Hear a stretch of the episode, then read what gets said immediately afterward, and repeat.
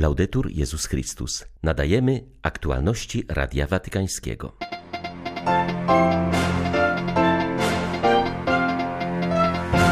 Papież zapewnia o swej bliskości z nigeryjskimi chrześcijanami po niedzielnym zamachu na kościół. Nigeria potrzebuje pomocy, przemoc wobec kościoła staje się nie do zniesienia, stwierdził arcybiskup stołecznej Abudży. Charków wygląda gorzej niż po II wojnie światowej, mówią powracający do swych domów mieszkańcy.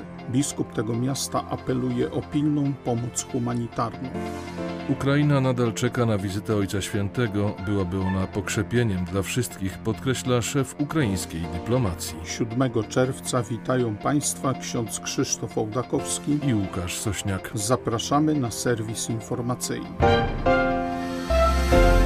Papież skierował przesłanie do uczestników czwartego spotkania Kościoła katolickiego w Amazonii, które odbywa się w Brazylii. Franciszek przypomniał o swoim wielkim marzeniu, podzielanym przez wspólnoty chrześcijańskie, nadania Kościołowi w tym regionie świata wyraźnego amazońskiego oblicza. Franciszek dał wyraz swojej radości z zaangażowania kościołów partykularnych Amazonii brazylijskiej, które przez swoje wspólnoty realizują wskazania ostatniego zgromadzenia synodalnego. Dają jednocześnie świadectwo doświadczenia synodalności poprzez głęboko już zakorzenioną i piękną tradycję spotkań kościołów lokalnych, do której wezwany jest cały Kościół.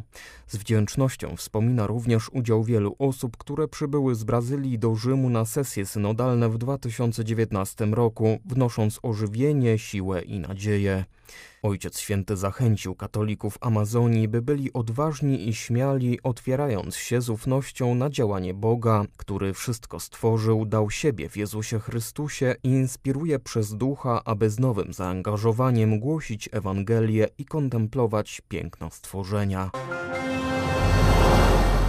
Papież złożył na ręce biskupa diecezji Ondo w Nigerii, Juda Arogundade, kondolencje i zapewnienie o modlitwie w związku z niedzielnym atakiem na kościół w tym kraju. Franciszek zaznaczył, że z głębokim smutkiem przyjął wiadomość o zamachu, zapewnił o swojej duchowej bliskości ze wszystkimi dotkniętymi tym aktem niewypowiedzianej przemocy. W modlitwie poleca Bogu dusze zmarłych, a dla rannych i pogrążonych w żałobie prosi o boskie uzdrowienie i pocieszenie. Zaznaczył, że modli się o nawrócenie dla sprawców zaślepionych nienawiścią i przemocą, aby wybrali drogę pokoju i sprawiedliwości. Papież wyprasza też Boże błogosławieństwo dla wiernych diecezji, by nadal odważnie żyli ewangelicznym orędziem. W niedzielę zamachowcy zaatakowali kościół świętego Franciszka Ksawerego w diecezji Ondo w miejscowości Owo w południowo-zachodniej Nigerii. Choć pierwotnie świadkowie mówili o co najmniej 50 ofiarach śmiertelnych, według oficjalnych danych zginęło 21 osób. Systemowa bezkarność i brak zdolności rządu do zapewnienia bezpieczeństwa są godne ubolewania, a drogą do pokojowego współistnienia musi być dialog międzyreligijny. Mówi o tym w rozmowie z Radiem Watykańskim kardynał John Onayekan z Nigerii.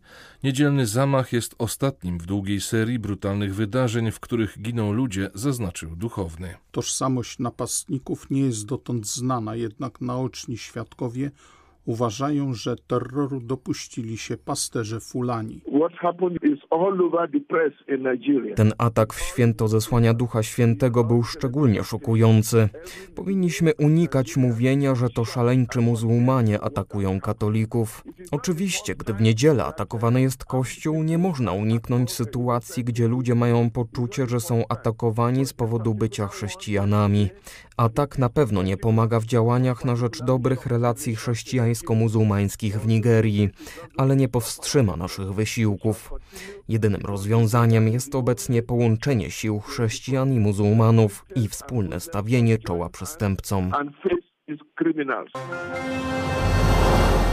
Nigeria potrzebuje pomocy. Przemoc wobec kościoła staje się nie do zniesienia, stwierdził Ignatius Kaigama, arcybiskup Abudży i przewodniczący Regionalnej Konferencji Episkopatu Afryki Zachodniej. Wezwał społeczność międzynarodową do udzielenia Nigerii pomocy, a rząd do wzięcia odpowiedzialności za ochronę katolików. W wielu miejscach kraju katolicy są przedmiotem ataków. Jak zaznaczył duchowny, choć działalność przestępcza jest tam codziennością, to nikt nie spodziewał się, że popełniona zostanie taka zbrodnia. Zdarzały się już inne krwawe wydarzenia, jak napaść i porwanie niektórych naszych księży w Kadunie, ale nigdy w takim stopniu. W jego ocenie nigeryjski rząd ma wszelkie środki, dzięki którym mógłby zaprowadzić porządek, dysponuje siłami zbrojnymi, policją i może kontrolować wszystko.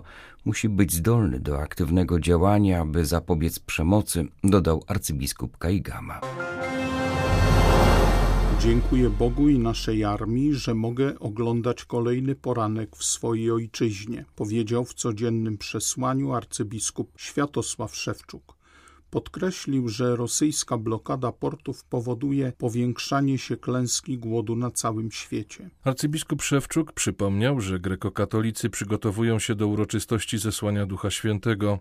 Oczekujemy Ducha Prawdy, który demaskuje zło i grzech Dlatego dziś powierzamy Bogu rządzących, szczególnie władze Ukrainy, ale także wszystkich kierujących państwami na świecie, powiedział zwierzchnik ukraińskich grekokatolików. Największym grzechem każdej władzy jest doprowadzenie do wojny. Rozpoczynając lub prowokując wojnę, władza najdobitniej ujawnia swoją niewiarę w Boga, ponieważ jednym z podstawowych darów, jakie Bóg ofiarowuje człowiekowi, jest właśnie pokój. Rząd, któremu nie zależy na sprawiedliwości, na pokojowym współistnieniu krajów i narodów, zmienia ludzkie życie w piekło. Każda władza, która w ten sposób grzeszy, choć na początku to zło może nawet nie być wyraźnie widoczne, staje się źródłem destrukcji własnego społeczeństwa. W ten sposób rodzą się inne grzechy, w tym grzech korupcji, który rozlewa się na instytucje, również te międzynarodowe. Błagamy dziś, przyjdź Duchu Święty i zniszcz grzech, pokaż nam drogę do sprawiedliwości. Naucz nas być sprawiedliwymi we wszystkich działaniach, które podejmujemy.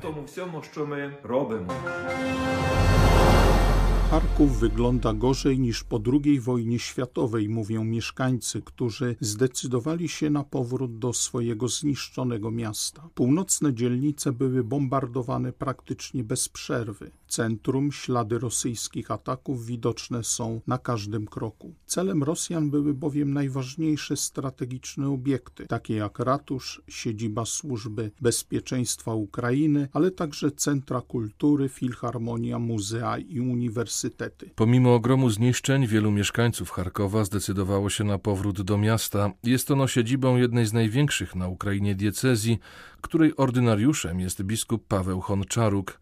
W rozmowie z Radiem Watykańskim hierarcha zaznacza, że uchodźcy, którzy powrócili do Charkowa, nie mają praktycznie niczego i potrzebują pilnej pomocy humanitarnej. W mieście jest już bardzo dużo ludzi, którzy powrócili z Polski i innych krajów, ale problem polega na tym, że większość z nich straciła dach nad głową i nie ma gdzie się podziać. Brakuje pracy, liczne firmy zostały bowiem całkowicie zniszczone, podobnie jak targowiska, na których zatrudnienie znajdowało wiele osób. Wielu osobom brakuje pieniędzy nawet na chleb, silnie potrzebują żywności, ubrań, butów, lekarstw i schronienia, a także zrozumienia i wsparcia. Potrzeby są więc liczne. Pomagają im różne organizacje humanitarne, a także Kościół. Diecezja charkowsko-zaporowska czyni to dzięki wsparciu z Polski i parafii na zachodzie Ukrainy. Za pośrednictwem Caritas rozprowadzane są żywność, lekarstwa i inne produkty. Wielu wolontariuszy przyjeżdża, by pomóc i dostarczyć zaopatrzenie potrzebującym w sąsiednich wioskach. W akcji uczestniczy również lokalna policja. Funkcjonariusze odbierają pomoc od Caritas i przynoszą ją bezpośrednio do domów osób najbardziej potrzebujących. Papuska wizyta na Ukrainie przyniosłaby pokrzepienie wszystkim, którzy cierpią na skutek agresji, powiedział ukraiński minister spraw zagranicznych, odnosząc się do słów Franciszka, który w ubiegłą sobotę zapowiedział, że do Watykanu przybędą przedstawiciele Ukrainy, aby rozważyć możliwość podróży apostolskiej. Dymitro Kuleba zapewnił, że obecność papieża byłaby inspiracją i pocieszeniem dla wszystkich. Rozmawiając z portalem Krux, szef ukraińskiej dyplomacji przyznał jednak, że nie wiąże z tą wizytą nadziei na pokój. Przez ostatnie trzy miesiące wielu próbowało już to osiągnąć i nikomu się nie udało. Papież przyniesie natomiast pokój wszystkim, którzy walczą o swoją ojczyznę, stawiają opór agresorowi i stracili swoich bliskich. Dymitro Kuleba wysoko ocenia niedawną wizytę na Ukrainie szefa watykańskiej dyplomacji. Ważne było to, że arcybiskup Paul Gallagher nie ograniczył się wyłącznie do Kijowa, ale był też w okolicznych miastach, które ucierpiały na skutek agresji oraz w Lwowie. Dzięki temu mógł lepiej zrozumieć położenie i odczucia Ukrainy. Szef ukraińskiej dyplomacji wspomina też własną rozmowę z arcybiskupem Gallagherem, która bynajmniej nie była dyplomatyczna. Ważne jest bowiem, by z przyjaciółmi rozmawiać otwarcie, a Watykan jest naszym przyjacielem, podkreśla minister Kueba. Jego zdaniem dzięki takiej otwartej wymianie zdań Ukraina lepiej może zrozumieć ograniczenia papieża w tym, co może zrobić i co może powiedzieć, a Watykan lepiej może zrozumieć genezę tej wojny. Kueba podkreśla, że Rosja kieruje się nowym imperialnym rewindykalizmem. Rosja od lat dokładnie planowała tę inwazję na wielką skalę. Oskarżanie kogokolwiek poza Rosją o rozpoczęcie tej wojny jest całkowicie mylące, mówi szef ukraińskiej dyplomacji. Przypomina, że Rosja nie została sprowokowana. Otrzymała liczne propozycje rozwiązania konfliktu na drodze pokojowej, a mimo to zdecydowała się zaatakować. Każdy, kto twierdzi, że Unia Europejska, NATO, Stany Zjednoczone czy ktokolwiek inny ponosi winę za tę inwazję, albo nie rozumie genezy tej wojny, albo celowo wprowadza społeczność międzynarodową w błąd, powiedział Dmytro Kuleba.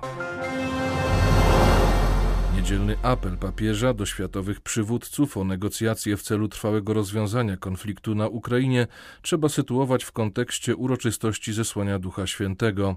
Franciszek przypomina politykom o ich odpowiedzialności przed Bogiem za całą ludzkość, mówi nuncjusz apostolski w Kijowie arcybiskup Wiswaldas Kulbokas.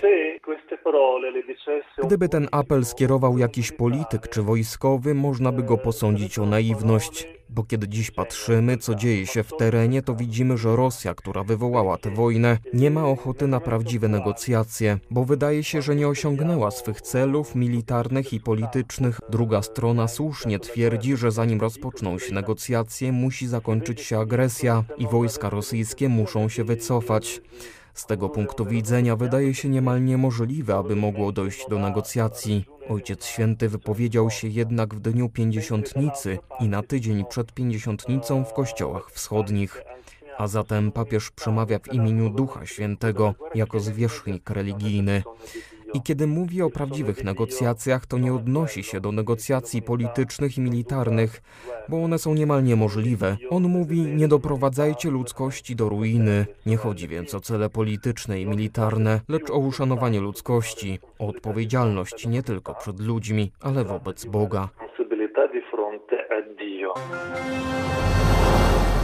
Przemoc w Birmie przybiera na sile. Sytuacja ulega stałemu pogorszeniu, mówi pochodząca z tego kraju siostra Regina Sang. Siostra Regina, zakonnica ze Zgromadzenia Sióstr Wynagrodzicielek, opuściła Mianmar nieco ponad miesiąc temu i przywiozła ze sobą do Włoch cały horror kraju, wciąż wstrząsanego przemocą i morderstwami po zamachu stanu w 2021 roku. Nie tylko chrześcijanie, ale także uchodźcy cierpią coraz bardziej z powodu braku dostępu do podstawowych artykułów. Tej sytuacji wojennej nasze siostry zgłosiły się do pomocy jako wolontariuszki. Nawet nasze domy rekolekcyjne stały się schroniskami dla uchodźców. Niszczone są kościoły, a chrześcijanie często muszą szukać ratunku w obozach dla uchodźców. Także te miejsca zostały wykryte i bombardowane w ciągu nocy. Nawet młodzi chłopcy zostali aresztowani z powodu podejrzeń. Były to aktualności Radia Watykańskiego. Laudetur Jezus Chrystus.